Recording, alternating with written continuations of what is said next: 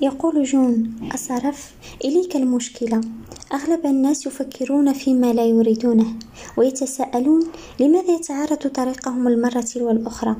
السبب الوحيد في عدم حصول الناس على ما يبتغون هو أنهم يفكرون فيما لا يبتغون.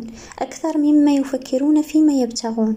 أنصت إلى أفكارك وأنصت للكلمات التي تتفوه بها. القانون مطلق ولا مجال للخطأ فيه.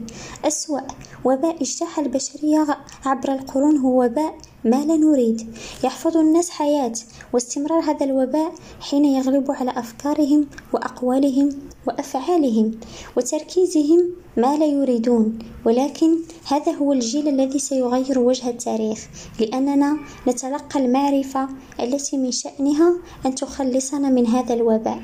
الأمر يبدأ بك ويمكنك أن تصير رائدا لهذه الحركة الفكرية الجديدة عن طريق التفكير والتحدث بشأن ما تنشده وتبتغيه.